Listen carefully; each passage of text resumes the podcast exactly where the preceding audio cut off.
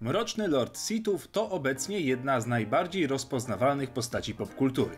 Ucieleśnienie zła zamknięte w czarnym pancerzu kojarzą nawet ci, którzy nigdy Gwiezdnych Wojen nie widzieli na oczy.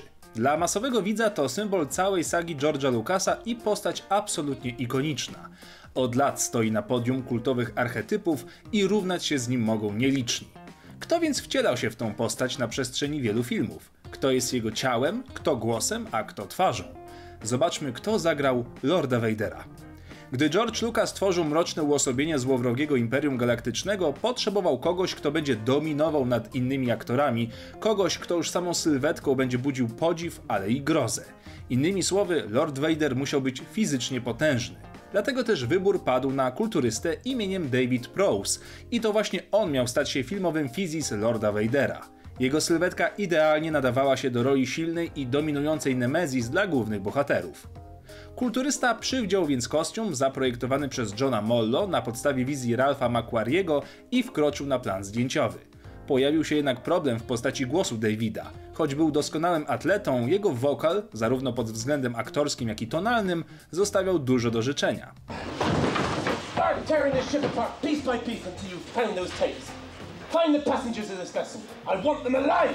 I'm a member of the Imperial Senate on a diplomatic You are part of the Rebel Alliance and a traitor. Take her away. To nie był po prostu głos Lorda Vadera. Żeby była jednak jasność, Lucas od początku nie zamierzał wykorzystywać głosu aktora. Ta ikoniczna rola miała przypaść komu innemu. James Earl Jones to aktor o wielkim dorobku teatralnym i filmowym. Nie był on jednak pierwszym wyborem Lucasa. Początkowo miał być nim Orson Welles. Jego głos był jednak zbyt rozpoznawalny, dlatego wybór padł na Jamesa. Aktor miał już wówczas nominację do Oscara za Wielką Nadzieję Białych, mimo to poprosił Lucasa, by ten nie zamieszczał jego nazwiska w napisach końcowych, mówiąc, że to co robi to jedynie efekty specjalne. I choć barwa jego głosu na zawsze pozostanie w umysłach fanów, jego specyficzny oddech to już zasługa Bena Berta, genialnego dźwiękowca i prawdziwego wirtuoza dźwięków. O tym panu będzie jednak oddzielny odcinek. Gdy nagrywki głosu Jamesa w studiu Goldwyn w Los Angeles dobiegły końca, postać była praktycznie gotowa. I taką też kombinację dwóch aktorów, fizycznego i głosowego, mogliśmy oglądać w klasycznej trylogii. Ale nie do końca.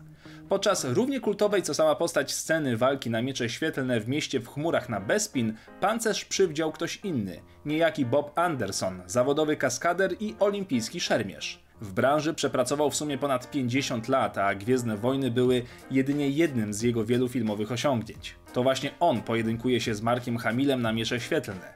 Jak się potem okazało, Anderson grał w Imperium kontratakuje oraz powrocie Jedi wszystkie sceny walk.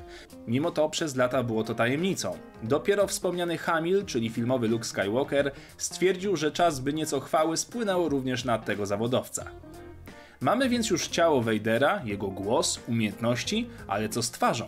Ani Prowse, ani Anderson nie byli zawodowymi aktorami, a gdy przyszła chwila, by pokazać to, co skrywa obsydianowa maska, trzeba było zainwestować w kogoś, kto będzie w stanie przekazać potężny ładunek emocjonalny. Wybór padł na brytyjskiego aktora Sebastiana Shawna, który był również powieściopisarzem, poetą, reżyserem i dramaturgiem. Miał więc idealny warsztat, by odegrać swoją rolę, tak by widz przeżył ten moment najmocniej jak to możliwe. Stał się więc twarzą Vadera oraz postacią odkupionego Anakina Skywalkera, która to została niestety później zastąpiona przez Haydena Christensena w reedycji trylogii na DVD w 2004 roku.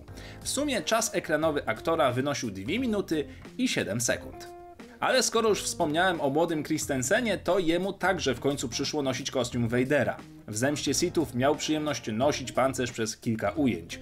Prócz memicznego dziś okrzyku nie nagrał się niestety zbyt wiele w kultowym odzieniu.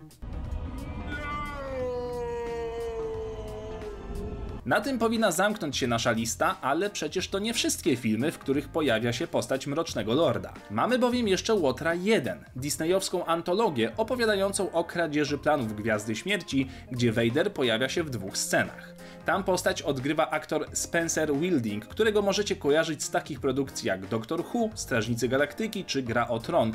Tyle, że raczej go nie poznacie, bo wciela się on tam w potwory czy inne stworzenia. Głos Vadera jednak ponownie podkłada tu James Earl Jones. Jednakże gdy myślicie o scenach z Łotra 1, to zapewne macie w głowie duszenie Krenika czy finałową scenę na statku rebeliantów. Tutaj w rolę Vadera wciela się jeszcze inny aktor, niejaki Daniel Naprus.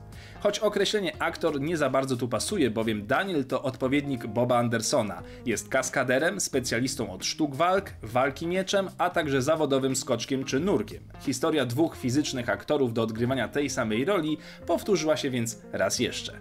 Dziękuję za oglądanie, zostawcie proszę komentarz pod filmem i dajcie znać, jakich historii o Gwiezdnych Wojnach chcielibyście posłuchać w przyszłości. Niech moc zawsze będzie z wami.